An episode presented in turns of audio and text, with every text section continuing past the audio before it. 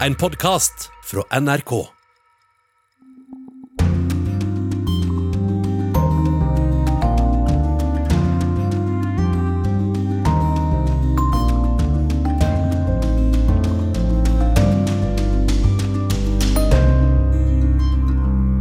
Flere tusen demonstranter har stormet presidentpalasset i hovedstaden på Sri Lanka. Russlands invasjon i Ukraina er møtt med straffetiltak og sanksjoner, men hvilken effekt har slike tiltak, spør vi i Urix i dag. I vår sommerserie Byer i verden skal vi til en storby med 20 millioner innbyggere. Krevende by å besøke. Det er ekstremt varmt, den er ekstremt folketett. Det er fattigdom og rikdom som lever tett opp til hverandre, side om side. Så det er en by som til de grader speiler kontrastene og motsetningene og de sosiale spenningene. Og i ukas korrespondentbrev skal vi høre at barten kan avsløre hvem en tyrker stemmer på. Ja, dette er Urix på lørdag. Jeg heter Marit Kolberg. Flere tusen demonstranter fra over hele Sri Lanka har altså nå stormet og troppet opp rundt eh, presidentboligen i hovedstaden Colombo. De krever presidentens avgang, og Asia-korrespondent eh, Philip eh, Lote direkte med oss nå. Hva er det som skjer? Det som skjer er at flere tusen demonstranter har brutt barrierene foran presidentkontoret, og noen har også klart å ta seg inn i boligen til presidenten. Eh, så sier da Forsvarsdepartementet at de var klar over eller var noe forberedt på dette her, så de hadde flyttet presidenten i sikkerhet et annet sted i går eh, kveld. Eh, men man vet ikke helt nøyaktig hvor dette stedet er. Demonstrasjonen var jo varslet. Det var klart at kravet deres var at presidenten skulle gå av, og at de ville marsjere mot presidentens kontor og bolig. Eh, de innførte et port portforbud i forsøk på å stanse dette, her, men portforbudet ble ikke respektert. og Det ble da også hevet av myndighetene etter protester fra eh, frivillige organisasjoner og, eh, og også aktivister. Eh, men eh, protestene har da kommet ut av kontroll. Det, politiet har brukt tåregass, demonstrantene har hevet, eh, kastet tåregassgranatene tilbake mot politiet. Minst 22 Én personer er eh, såret og brakt til sykehus, og to av disse er da politifolk. Og Det er utstasjonert ganske store politistyrker og militære styrker, men det er ikke klart å kontrollere disse massene. Som til tross for at det er mangel på drivstoff, har klart å skaffe drivstoff til å kjøre busser og biler og lastebiler med demonstranter fra hele landet inn til hovedstaden.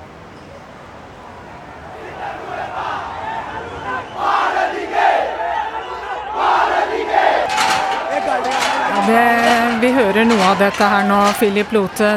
Demonstrantene og demonstrasjonene er som du sier kommet helt ut av kontroll. Men dette er jo også protester som har vart i mange måneder. Hva er det folk protesterer mot?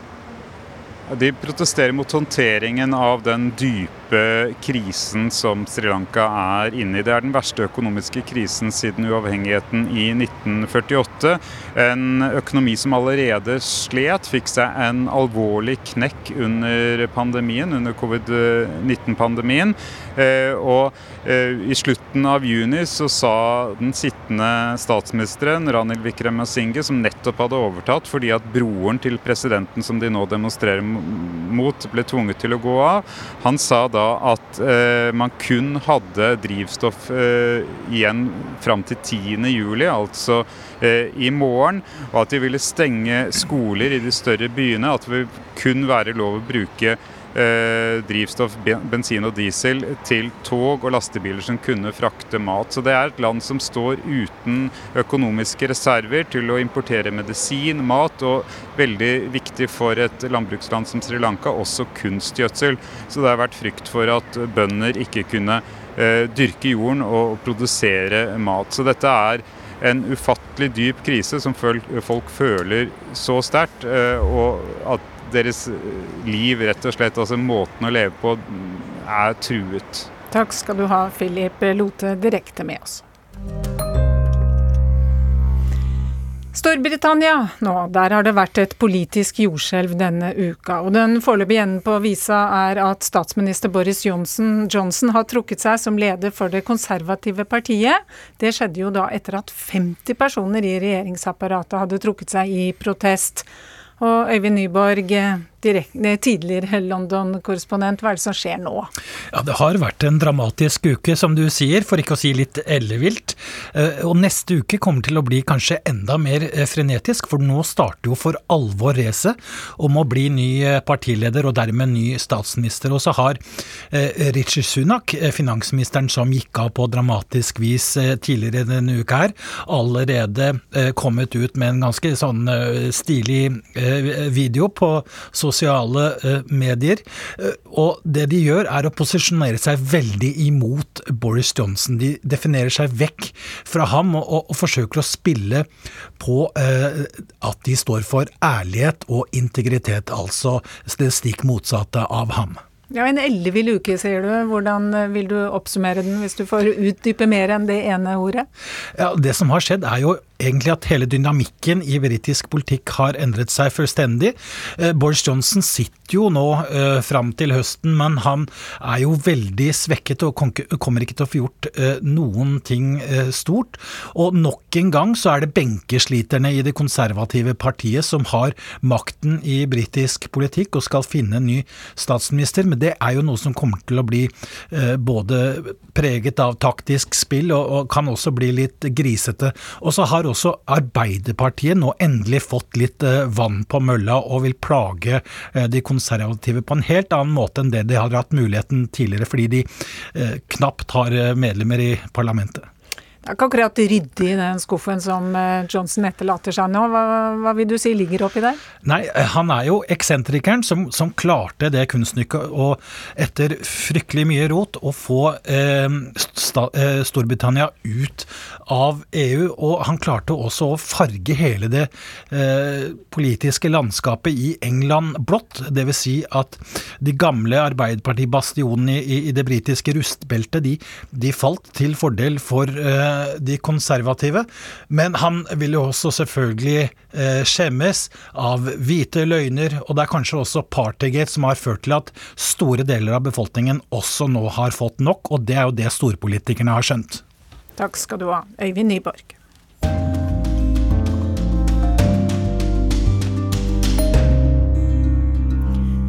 Straffetiltakene mot Russland er de hardeste som er satt i verk mot noe land, og de utvides stadig.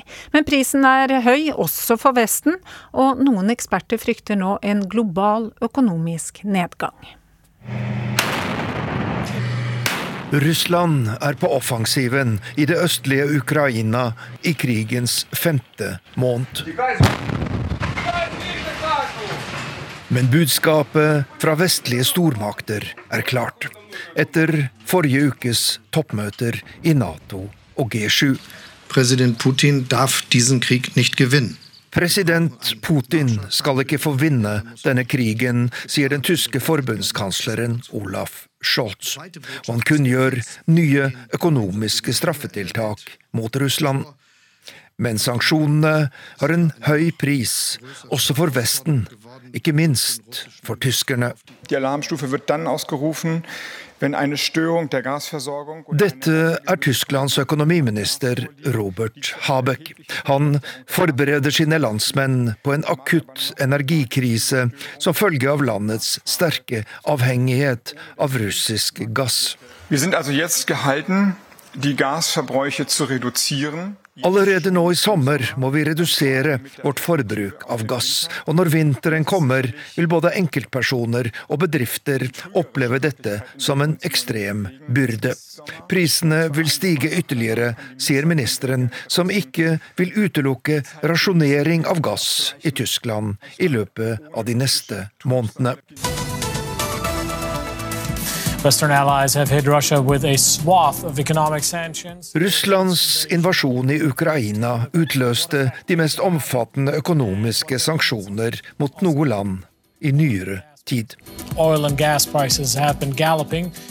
Russlands valutareserver i utlandet ble blokkert, og russiske banker ble utestengt fra det internasjonale betalingssystemet.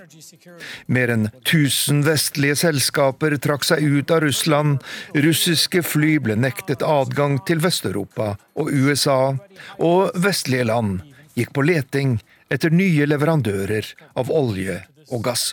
What will this conflict mean for Europe's energy? Håpet var at Russland skulle miste evnen til å finansiere en krig, og at russerne skulle vende seg mot sitt regime. Men hvordan har det gått?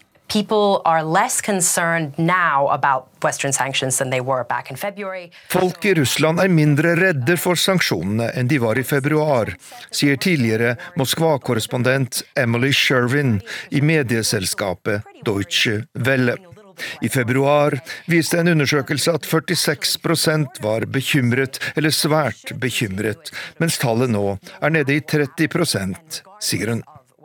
Adam Toos, professor i økonomisk historie ved Columbia University, vurderer sanksjonene mot Russland slik. Da Russland invaderte, hadde vi tre muligheter. Å gå inn militært, hvilket var uaktuelt. Å gjøre ingenting, hvilket ville være umulig. Så da ble løsningen sanksjoner, selv om historien viser at slike tiltak sjelden virker etter hensikten, sier professor Tus. Mer enn noe annet bruker vi sanksjoner fordi vi må gjøre noe. Det tilfredsstiller vårt eget ønske om å handle, mer enn det gir de konkrete resultatene vi ønsker. Det høres kynisk ut, men jeg mener det er en realistisk vurdering av årsakene til at vi gjør det vi gjør, sier Adam Toos ved Columbia University til NRK. Krigen i Ukraina kan bli langvarig, sier ekspertene. Derfor er det fortsatt usikkert hva sanksjonene mot Russland vil føre til. Det som er sikkert, er at også vestlige land betaler en pris, og mange frykter nå en nedgang, en såkalt resesjon, i verdensøkonomien. I absolutely think a recession is, is becoming more likely. Um, ja, jeg tror faktisk at en resesjon blir stadig mer sannsynlig, sier økonomieksperten Jack Allen Reynolds i selskapet Capital Economics. Prissjokket på olje og gass betyr at folk må bruke mye mer penger på energi og mindre på alt annet, og det vil føre til mindre forbruk og lavere investeringer, sier økonomen Jack Allen Reynolds til NRK.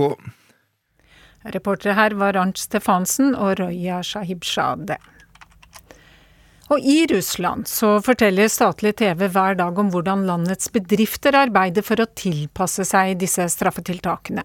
Myndighetene hevder at overgangen fra vestlig utstyr og teknologi og materialer går bra, og hevder at Russland vil komme styrket ut av sanksjonene.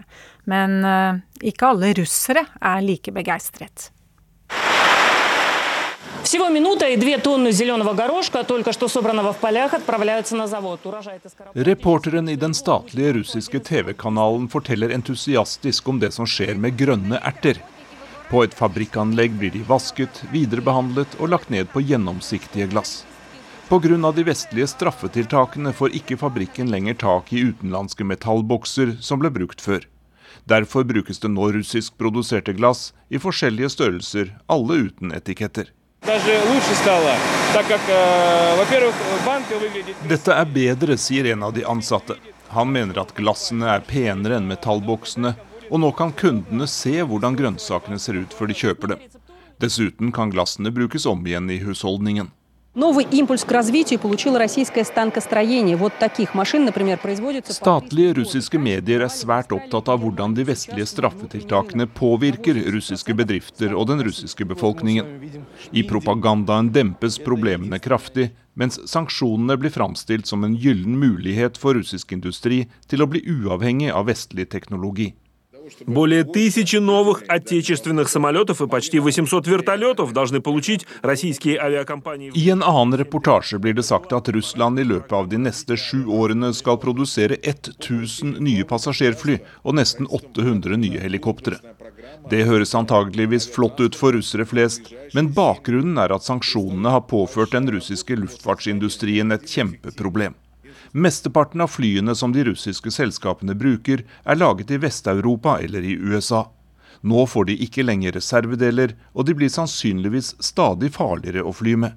Det er ikke et tema som blir tatt opp i russiske statskontrollerte medier. Utenfor en av metrostasjonene her i sentrum av Moskva er det ganske mye folk i sommervarmen. Og de vi snakker med, de har forskjellige meninger om hvordan de vestlige straffetiltakene virker på dem. Økte priser det er den største forskjellen for meg, sier denne kvinnen som oppgir fornavnet sitt, Lilia. Hun er bekymret for situasjonen Russland er i nå, og håper at det snart blir fred.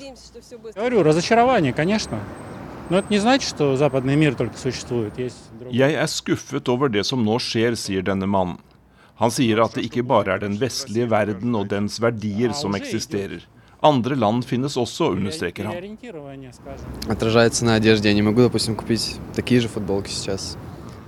Jeg kan ikke kjøpe de klærne jeg vil. Jeg kan ikke se de nye filmene jeg ønsker, eller høre på musikken jeg liker, sier denne unge mannen. Han synes det er synd at han ikke kan påvirke situasjonen.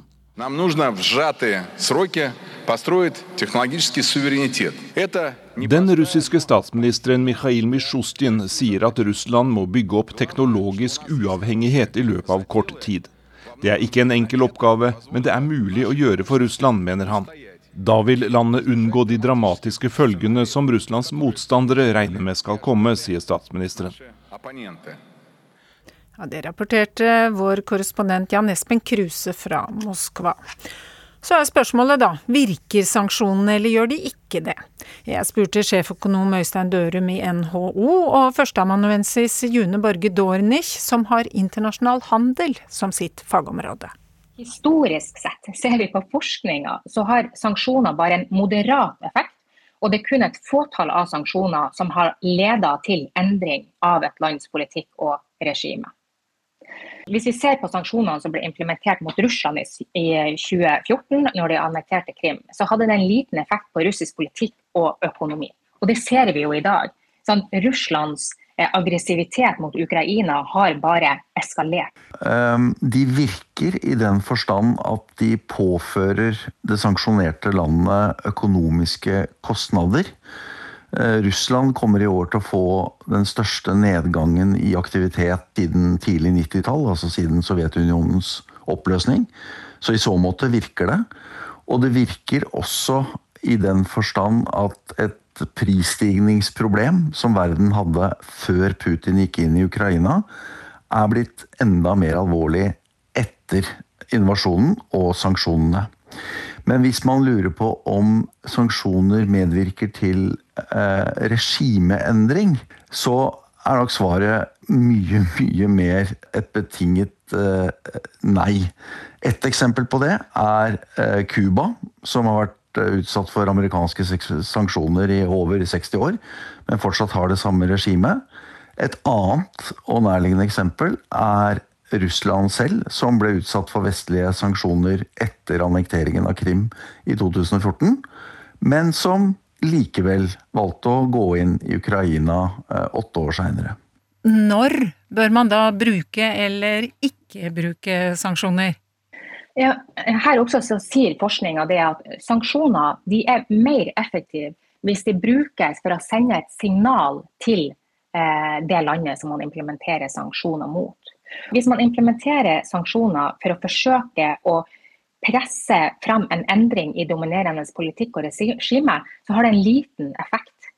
Og Konsekvensen av det å påvirke en endring i andres land atferd, det er det at man faktisk kan bygge politikk og regime til enda sterkere. Altså at eh, dominerende politikk og regimer i landet blir enda sterkere. Men Hvilke alternativer har man da, tenker du? Altså, i, dette tilfellet vi står i, står i nå, så, så, har man jo sett om ikke hele verktøykassa tatt i bruk, så ser man jo store deler av verktøykassen tatt i bruk eh, ved at man styrker eh, den vestlige forsvarsalliansen, altså Nato, øker utgiftene til eh, militæret, til, til forsvar.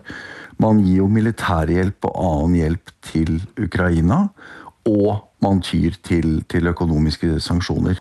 Og det hører med til, til historien her at vi, vi lever jo i en mye mer multipolar verden, hvor Russland har mulighet til å spille på andre land, altså les Kina, som leverandør av teknologi, og for den del også teknologi som kan brukes for forsvars- eller angrepsformål. Sånn at eh, jeg, jeg, tror sanksjonene må leses dit hen at ja, det svekker motstanderen noe, og primært eh, dette er en måte å vise at, at Russland har helt uakseptabel atferd på. Eh, sanksjoner er alltid det beste alternativet eh, hvis det er sånn at eh, krigføring skulle vært et annet alternativ. Altså Sanksjoner som et økonomisk våpen er, vil alltid være det beste instrumentet for å vise fram, for å signalisere et politisk ståsted mot den krigføringa som vi ser eh, i dag. Krigføring mot et annet land vil jo aldri være et godt eh, alternativ. Er sanksjonene rett og slett eh, vel så viktige for vår egen del, at vi føler at vi trenger å reagere og vise at vi protesterer mot eh, det som har skjedd? Altså, nå, nå beveger vi oss uh, enda lenger unna økonomens uh, dom, domene. Og jeg, jeg tror det, det, er helt sikkert noe i det også. Men først og fremst så er jo sanksjonene en måte å vise at noen har trådt over en strek, men ved å demonstrere at dette er uakseptabel atferd, så er det i hvert fall en, et, et, ganske sterkt signal om hit, men ikke lenger. Men jeg tror, tror ikke det ville vært tilstrekkelig med de økonomiske sanksjonene. Det man gjør på å ruste opp Nato-samarbeidet og ta opp nye medlemmer, er mye viktigere når man står overfor en, en aggressiv militærmakt som Russland. Eh, jeg tenker også at Det er utrolig viktig å eh, signalisere et ståsted i en stor eh, konflikt. Og Det er viktig å implementere økonomiske sanksjoner, fordi det kan du gjøre helt umiddelbart. Men effekten av den er jo dessverre lav, som betyr at man er nødt for å gjøre flere andre tiltak for å presse Russland ut av Ukraina. Så sanksjoner det er bare en liten del av løsninga for å presse Russland ut av Ukraina. Ja, det sa førsteamanuensis June Borge Dornich ved Nord universitet, og vi hørte også sjeføkonom Øystein Dørum i NHO. Etter at Russland angrep Ukraina, så blir det stadig mer upopulært å snakke russisk i Ukraina. Nå har parlamentet i Kyiv vedtatt to lover som begrenser bruken av russisk i det offentlige rom. Og det er nå ikke bare lett for de mange millioner ukrainere som har russisk som sitt morsmål.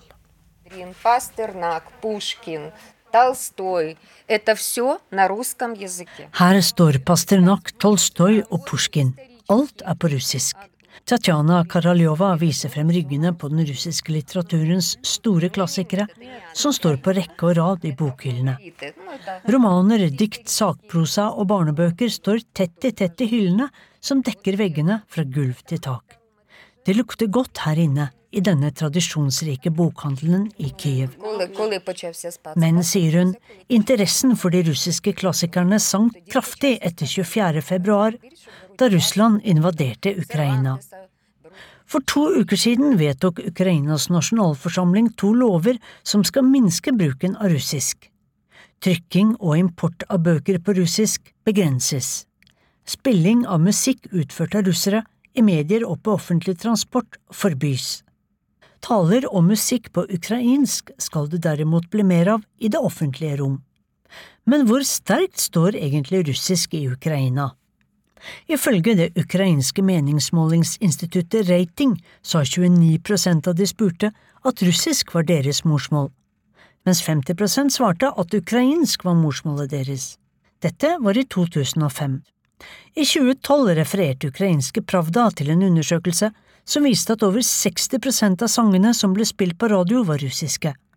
og 60% av avisene var på russisk. Men nå skal dette begrenses ved lov. Men disse lovene gjelder ikke her, sier bokselger Tatjana Karaljova. For Tolstoy og Dostojevskij har ikke gjort oss noe galt. Hun elsker bøkenes verden, og helt siden hun var 18 år har hun jobbet i forskjellige bokhandler. Med både russisk mor og ektefelle har Tatjana alltid snakket russisk. Dessuten brukte jo alle som gikk på skole i Sovjetunionen, russisk hele tiden. Jo, vi snakket ukrainsk med barna hjemme, men ute har jeg alltid snakket russisk her i Kiev, forteller hun.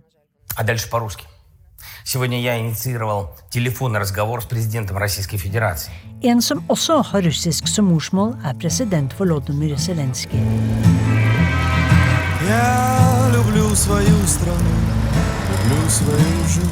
Dette er kjenningsmelodien til TV-serien Sloga Naroda, Folkets tjener, der han spiller en historielærer som uventet blir president. I denne populære politiske satiren snakker Zelenskyj og de andre folkevalgte russisk hele tiden, som her fra et regjeringsmøte.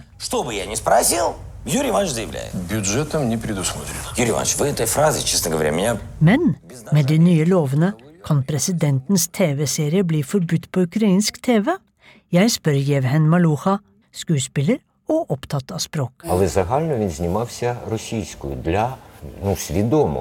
Vel, serien er laget i Ukraina, men for å nå et russisktalende publikum utenfor våre grenser, som i de tidligere sovjetrepublikkene.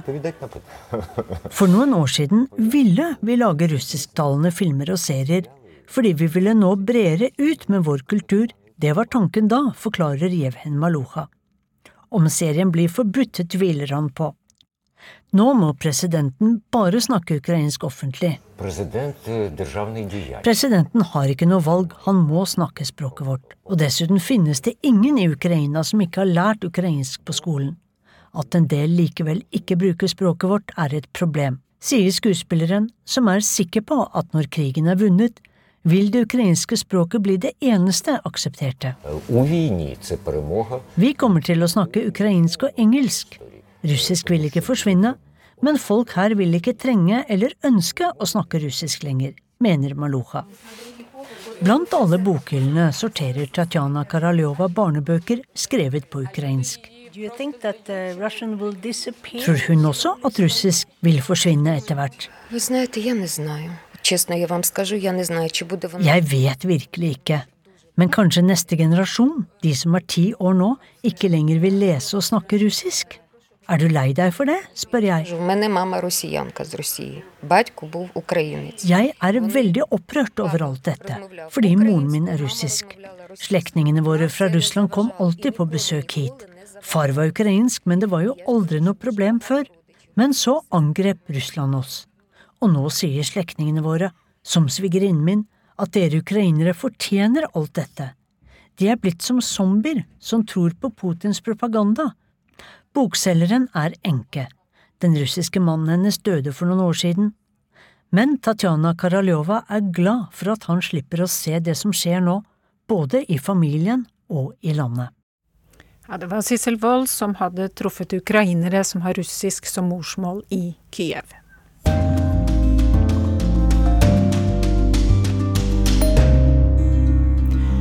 Tragedien i de italienske alpene sist søndag var en ulykke som selv erfarne fjellførere ikke hadde sett for seg kunne skje.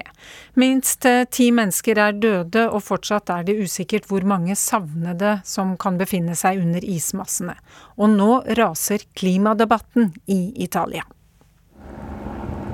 Letearbeidet fortsatte lenge etter at breen hadde løsnet, men håpet om å finne noen som hadde overlevd å bli truffet av is, jord og stein som raste nedover fjellsiden i 300 km i timen, svant fort. Det er ikke den første katastrofen i Italia som kan knyttes til klimaendringene, men det er kanskje den mest brutale så langt. Kanskje var det tid for handling nå. Ma certamente dipende dal deterioramento dell'ambiente e della situazione climatica. Dette er et drama som ikke fullt ut kunne forutses, Men det er helt sikkert at det henger sammen med ødeleggelsen av miljøet og av klimasituasjonen, sa statsminister Mario Draghi da han ankom dalen nedenfor Marmolada-breen. Regjeringen må handle slik at det som har hendt ved Marmolada, ikke skjer igjen i Italia, sa Draghi. Å reversere klimaendringene er en stor oppgave for et enkelt lands regjering. Debatten i Italia etter tragedien har foregått langs to plan, minst.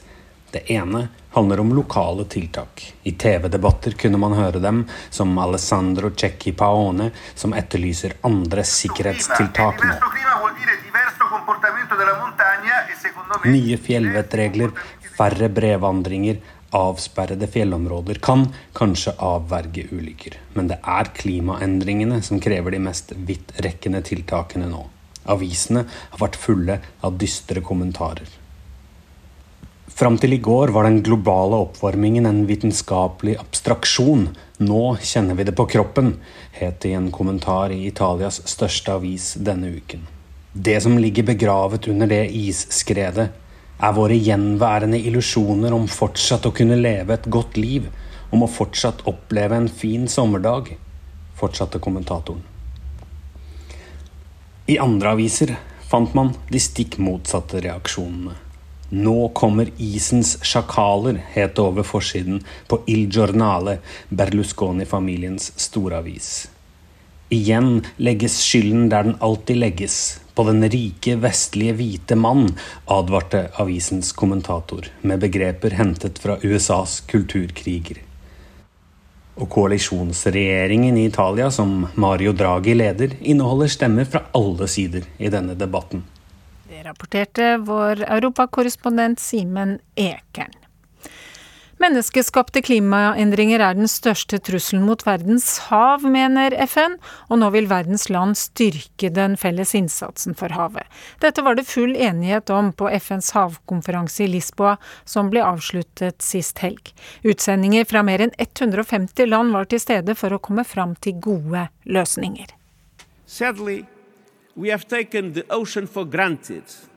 And today we face what I would call an ocean emergency. We must turn the tide. Det er havet det handler om her i Lisboa, verdens største økosystem. Havet er i alvorlig trøbbel, ifølge FN. Vi må snu utviklinga, sier generalsekretær Antonio Guterres. Our oceans are issuing an SOS. They are struggling, heating and acidifying. Corals are dying. Havet blir varmere, det blir surere, korallene dør, økosystemer langs kysten blir ødelagte.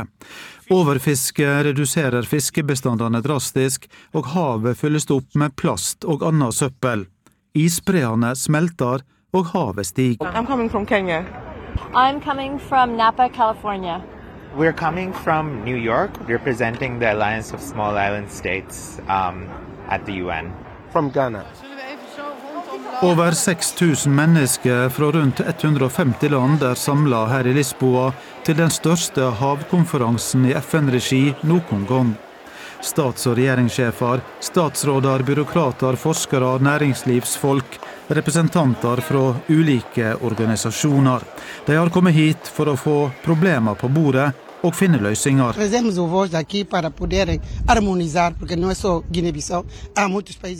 Vi vil gjerne komme til orde her, slik at vi kan diskutere noe som ikke bare er et problem for oss i Guinea-Bissau, men også i Peru og mange andre land, sier Antonio Gialo, som representerer småskalafiskere i Guinea-Bissau.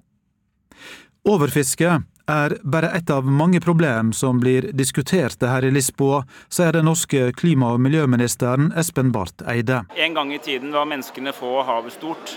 Nå er eh, menneskene mange og havet faktisk ganske lite i forhold til all den aktiviteten vi har eh, hatt. Og vi er nødt til å samarbeide om å fiske på en mer bærekraftig måte, om å forurense mye mindre, om å sørge for å utvikle en bærekraftig havøkonomi.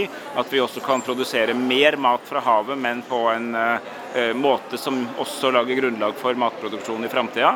Og så må vi stoppe klimaendringene, for uh, havet er en av de største ofrene for de klimaendringene som skjer. Det er Veldig mye av karbonutslippet havner ikke i atmosfæren, men i havet. Som da begrenser oppvarmingen, men som samtidig fører til at du får et surere og varmere og mindre levedyktig hav. Derfor skal mange av sakene som blir diskuterte her, videre til klimatoppmøtet i Egypt senere i år, og til toppmøtet i Canada om biologisk mangfold. Alt dette henger sammen, sier FNs spesialutsending for hav, Peter Thompson, til NRK. Everything is uh, connected. Everything, whether it's climate change, whether it's biodiversity loss, whether it's decline of the ocean's health. This is all, as I say, it all comes back to human behavior, in particular in releasing these greenhouse gas emissions. And that's the behavior. Enten det handler om klimaendringer, tap av biologisk mangfold eller havets helsetilstand, så koker det ned til dette. Vi må kutte utslippet av klimagasser, sier Thomsen. Uh, three degrees is unacceptable. We have to turn. And uh, part of that turning is to understand how the ocean is our ally. Vi går mot et vær som er tre grader varmere, og det er uakseptabelt. Vi må snu og endre måten vi lever på. Vi må spille på lag med havet og bruke det på en bærekraftig måte, sier Thomsen. I declare closed the 2022 United Nations Conference mange ideer og initiativ har kommet på bordet her i Lisboa, fra forskere, næringsliv, politikere og andre. Nå øker presset på politikerne i hvert enkelt land. Det er der det må gjøres politiske vedtak som får praktiske konsekvenser for havet. FNs spesialutsending for hav er optimistisk, og håper det også vil komme penger på bordet til å finansiere alle gode tiltak. But what I'm loving about this conference is people are very solutions focused. And we're here at the moment to uh, not only capture those solutions, but to work out how to invest in them, how to finance them. Ja, det var Pete Thamsen til slutt her, eh, og reportasjen var laget eh, av Eivind Molde. I vår sommerserie skal vi igjen ut på reise, denne gangen til en stor by med 20 millioner innbyggere.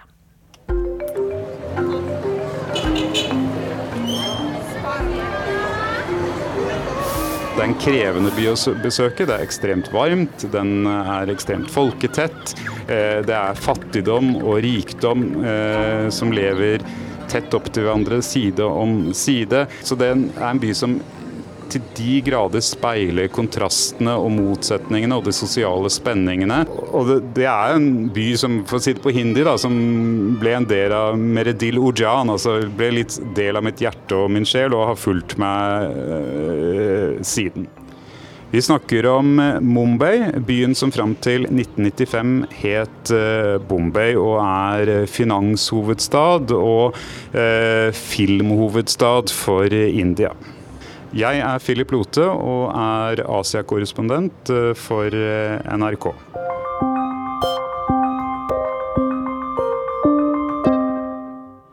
Hvorfor har du lyst til å snakke om eh, Mumbai, Philip? Ja, Mumbai var veldig viktig for meg da jeg var en ung voksen. Jeg tilbrakte mange måneder av gangen der gjennom flere besøk fra 1999 til 2000 Eh, og én, jeg gjorde feltarbeidet mitt eh, da jeg studerte der, på børsen i, i Mumbai. Eh, og jeg frilanset derfra og dekket bl.a. jordskjelvet i nabostaten Gujarat som det første store oppdraget jeg hadde for NRK i 2001. Ja, da jeg studerte, så skrev jeg en oppgave i sosialantropologi. Og så ville jeg skrive om et land, en økonomi, en voldsom endring. Og eh, da jeg kom dit i 1999, så var det bare ti år siden, eller rettere sagt åtte år siden, de hadde åpnet opp økonomien sin for utenlandske investeringer og kastet totalt om på økonomien. Eh, og fremdeles sto landet midt i disse endringene. og Så var jeg så heldig at jeg fikk innpass på et aksjemeglerkontor og fikk eh, ha det som base. Eh, nærmest jobbe derfra, gjøre alle mulige intervjuer, treffe alle mulige finansfolk. Frilanse der for NRK fra dette kontoret. Hvordan var ditt første møte med Mumbai? Mitt første møte med Mumbai det var ikke i byen i det hele tatt. Vi var på studietur, en gruppe studenter fra Universitetet i Oslo. og så eh, dro vi på drive-in-kino. Vi hadde ikke noe bil engang, men eh, det var på en drive-in-kino de viste denne filmen. Eh, så vi kjøpte billetter, gikk inn og satte oss på en parkeringsplass, og da så vi filmen Bombay fra 1995. Og det var samme året som byen skiftet navn til eh, Eh, Mumbai. Dette var i Chennai, som tidligere het Madras. Og filmen handlet om eh, store sammenstøt og voldelige sammenstøt mellom muslimer og hinduer i Bombay, og satte dette på dagsorden. Eh, var en i utgangspunktet tamilsk film som ble dubbet til hindi og flere andre indiske språk, og ble veldig kontroversielt. Den fikk mange priser. Alle indere kan fremdeles musikken til eh, denne filmen, og den ble også sensurert fordi den viste intime scener mellom en eh, muslimsk kvinne og en mann som var hindu, men det er en av de aller største største kassasuksessene som indisk film noen gang har produsert. Og det var faktisk mitt første møte med Bombay eller Mumbai.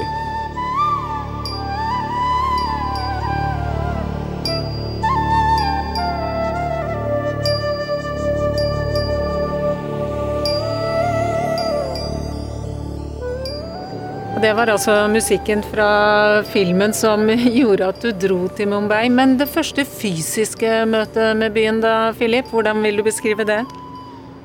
Ja, det var jo et Vi kom dit sent på kvelden. Det var uh, veldig varmt. Vi tok inn på et uh, gjestehus, og etter hvert så, så kom jeg inn i uh, Traff jeg forskjellige folk, kom i gang med feltarbeidet mitt. og Eh, ja, fikk gjort ganske mye eh, spennende som jeg ikke trodde jeg skulle, skulle klare. Og særlig dette som jeg på mitt andre besøk, da når jeg fikk innpass på dette aksjemeglerkontoret som ligger i Dalal Street, som da rett og slett betyr Meklergaten, eh, og er stedet for Asias eldste børs fra 1875, så kom jeg inn i en helt utrolig fascinerende verden. Hva var det som fascinerte deg? Det som var fascinerende med aksjemeklermiljøet, var jo at dette var et frislipp. Altså det, det var en øvre middelklasse som i tiår, etter tiår med styrt økonomi nå fikk lov til å investere pengene sine eh, mye mer fritt. Eh, eh, det betød at reglene var ikke helt klare, så det var ganske mye som ikke var helt greit. Jeg opplevde at meklere som satt i samme oppgang som deg jeg fikk gjøre feltarbeidet mitt, ble arrestert for innsidehandel. Eh, og du så på en måte et land eh, hvor økonomien tok en helt ny form, hvor den ble mye mer global. India begynte å levere IT-tjenester, finanstjenester, alle mulige tjenester til hele verden. Så du fikk på kloss holdt sett hvordan en økonomi endrer et samfunn, og hvordan det kastet om på, på denne storbyen. Så nevnte du at du var i Madras, som nå heter Shanai. Og så snakker vi om Bombay, som nå heter Mumbai. Hvorfor bytter indierne navn på disse byene? De siste tiårene har det vært en ganske sterk eh, nasjonalisme i India. Både nasjonalt for hele India, men også regionalt hvor ulike språkgrupper ønsker å riste av seg koloniarven og finne tilbake til navn som ligner mer på hva disse stedene het før. Så da har eh, Calcutta blitt Kolkata, Madras har blitt Chennai, og Bombay har blitt Mumbai. Og nettopp dette med nasjonalisme, det må vi jo komme inn på når vi snakker om India. For eh, det er ikke enkelt å lede et så stort land med så mye mennesker og to så forskjellige folkegrupper, som er de to største, nemlig hinduene og muslimene. Fortell oss litt om det.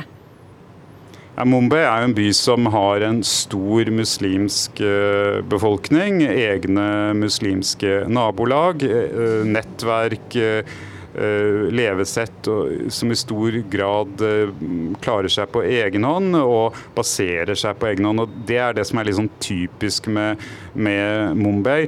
Det er eh, ikke noe godt utbygd sosialt eh, velferdssystem, så du er avhengig av de lokalmiljøene, de samfunnsgruppene du tilhører for å klare deg. og Det fører selvfølgelig til store spenninger innad i gruppene. Det er vanskelig å bryte ut. Det kan føre til spenninger med andre grupper. Og når det, man får storpolitikk og spenninger på tvers av hele India, så bryter det med jevne mellomrom ut uh, sammenstøt mellom ulike religiøse grupper i, i byen.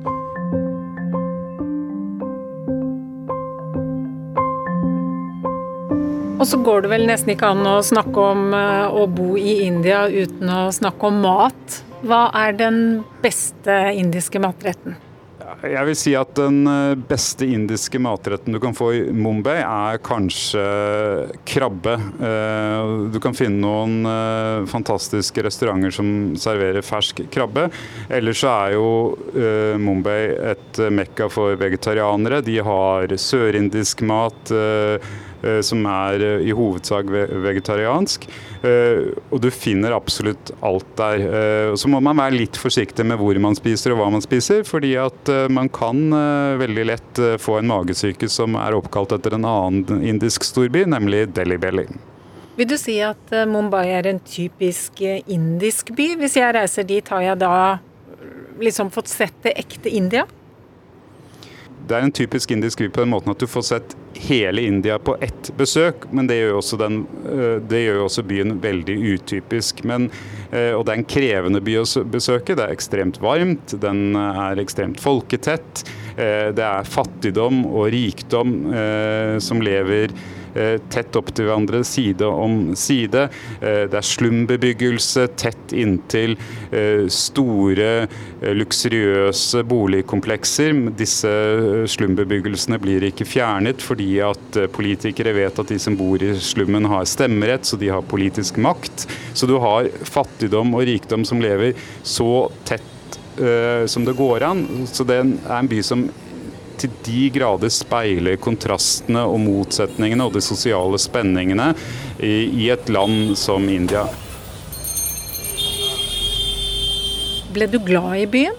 Ja, Mumbai blir man ekstremt uh, glad i. Det er en by som uh, Hvis du orker å være der lenge nok og lærer den å kjenne, vet hvordan du skal reise inn og ut av den, uh, så er det en by som aldri forlater deg. Når du kjører inn fra forstedene litt utenfor og sørover inn mot byen, så ser du f.eks. Haji Ali-graven, som er da gravplassen til en muslimsk helgen. Den ligger ute på et uh, skjær, og så er det laget en gangvei ut dit. Og så på ettermiddagen så kan man gå ut mens bølgene slår over sandalene dine. langs hele veien så sitter det fattige som tigger, og du må da gi dem litt grann småpenger på vei ut. Og så er denne graven og moskeen som ligger der, åpen for alle. Og så får du sett eh, både en fantastisk vakker moské i havgapet, du kan se innover mot eh, Mumbai. Eh, disse opplevelsene på tidlig kveld, ettermiddag, det er, ting du husker. Og Juhu Beach, som ligger da litt lenger nord igjen, som er stedet hvor alle Bollywood-stjernene bor, eh, eh, hvor de har sine fester. Eh, fantastisk flott å gå dit når solen går ned på kvelden. Og Bollywood-stjerner er ikke helt som andre globale stjerner. De er kjempestore, men blir du invitert på en Bollywood-fest, så er det ganske avslappet. Det er, du blir tatt med, alle snakker med deg, og det er faktisk utrolig upretensiøst, samtidig som det er ekstremt jålete. Så dypt fascinerende og hvis man klarer å henge med og bli med på en Bollywood-fest.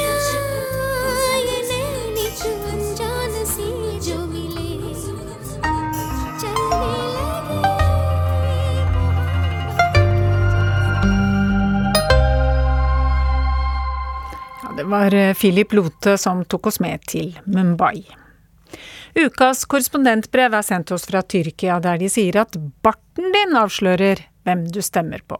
I Kasimpasa i Istanbul er det bare én bart som gjelder. Jeg befinner meg i Dumpa i den ellers litt bohemske bydelen Beyolo i Istanbul. En bydel som for øvrig også jeg bor i. Men dette området er annerledes. Noen hus er delvis rast sammen, på andre bygninger flasser malingen av veggene. Under det osmanske riket ble krigsskipene bygget og vedlikeholdt i havneområdet her, langs Det gylne horn. Det skal ha vært et imponerende skue. Men det er ikke det Kasim Pasha er kjent for lenger. I dette litt slitne, gamle industriområdet vokste Tyrkias president Recep Tayyip Erdogan opp i en fattig, konservativ familie. Mannen som har holdt hele Nato-alliansen som gissel i spørsmålet om Sverige og Finlands medlemskap. Jeg er på vei dit han bodde, og tråkker opp en bratt gate. En guttegjeng slentrer forbi. Det sies at det tøffe miljøet i Kasim Pashas arbeiderstrøk skal ha formet Erdogan. Her lærte han å snakke rett fra levra, og utviklet en forakt for den sekulære overmakten. Bak jerngitteret i et av vinduene titter en eldre kvinne ut. Jeg husker ham godt, han var en god gutt, sier den gamle damen med skautet godt trukket over håret. Det var der huset hans sto, men det er revet, forteller hun og peker mot en grå betongblokk som ser ut til å være fra 1970-tallet. Eidoan flyttet inn der som nygift, legger hun til. Et tyrkisk flagg henger over gata foran blokka, det er tvinnet rundt snoren og har falmet litt i sola. En mann roper ut fra balkongen i toppetasjen. Kom opp til meg, jeg er den som vet mest om Tayyip. Han står i døra og tar imot og viser inn i en liten stue der det henger et bilde midt på veggen av ham sammen med Recep Tayyip Erdogan, med koner og noen andre i familien. Vi var naboer i 20 år. Jeg kan treffe Tayyip når jeg vil, sier han og smiler under barten. Den samme barten som også Erdogan har, og som er så populær blant hans tilhengere. Bart og ansiktshår forteller mye om hvem du stemmer på i Tyrkia.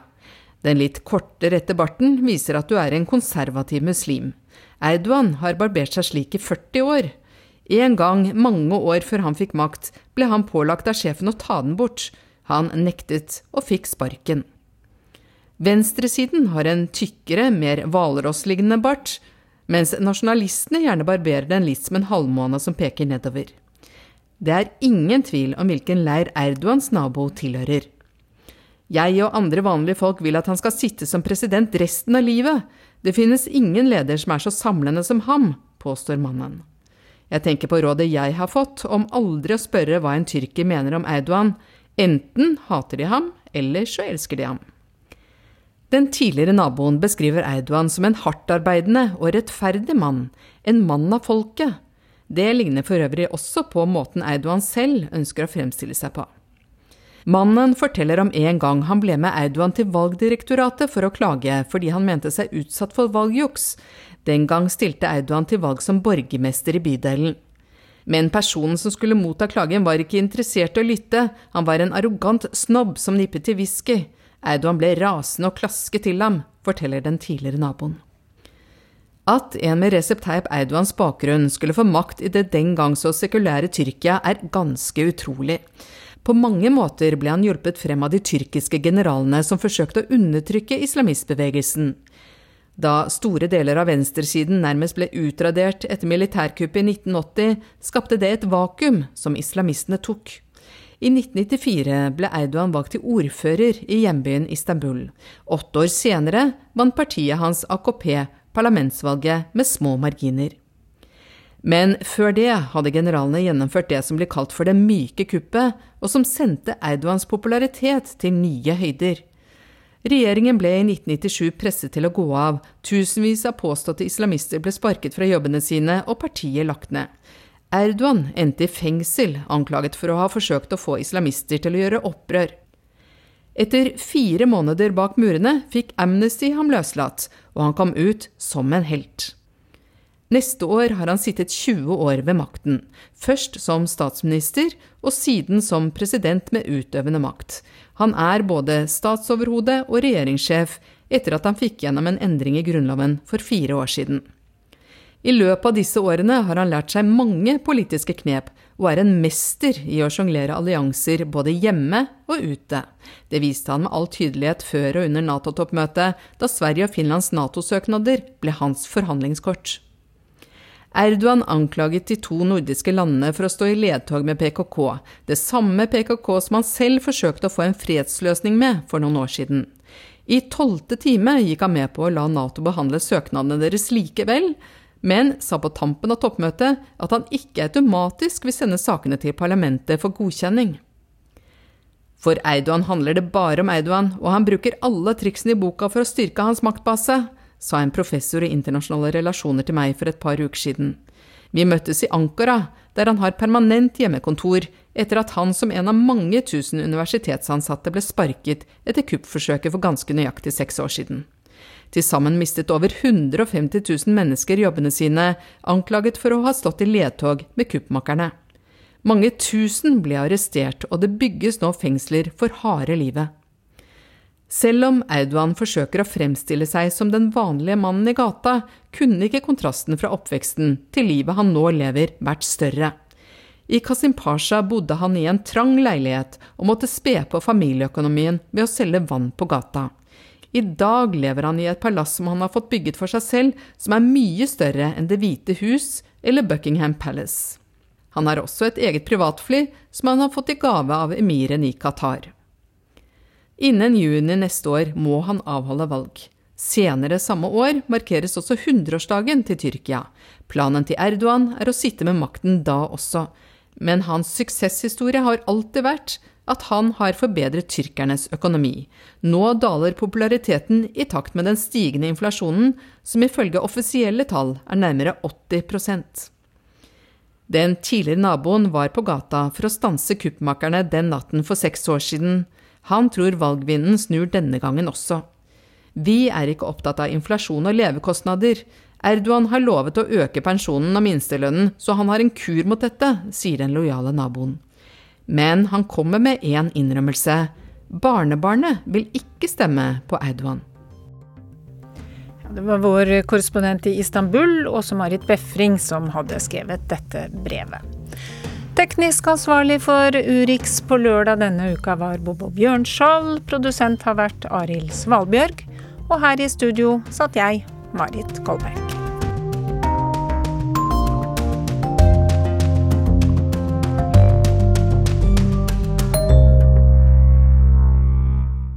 Du har hørt en podkast fra NRK. Hør flere podkaster og din favorittkanal i appen NRK Radio.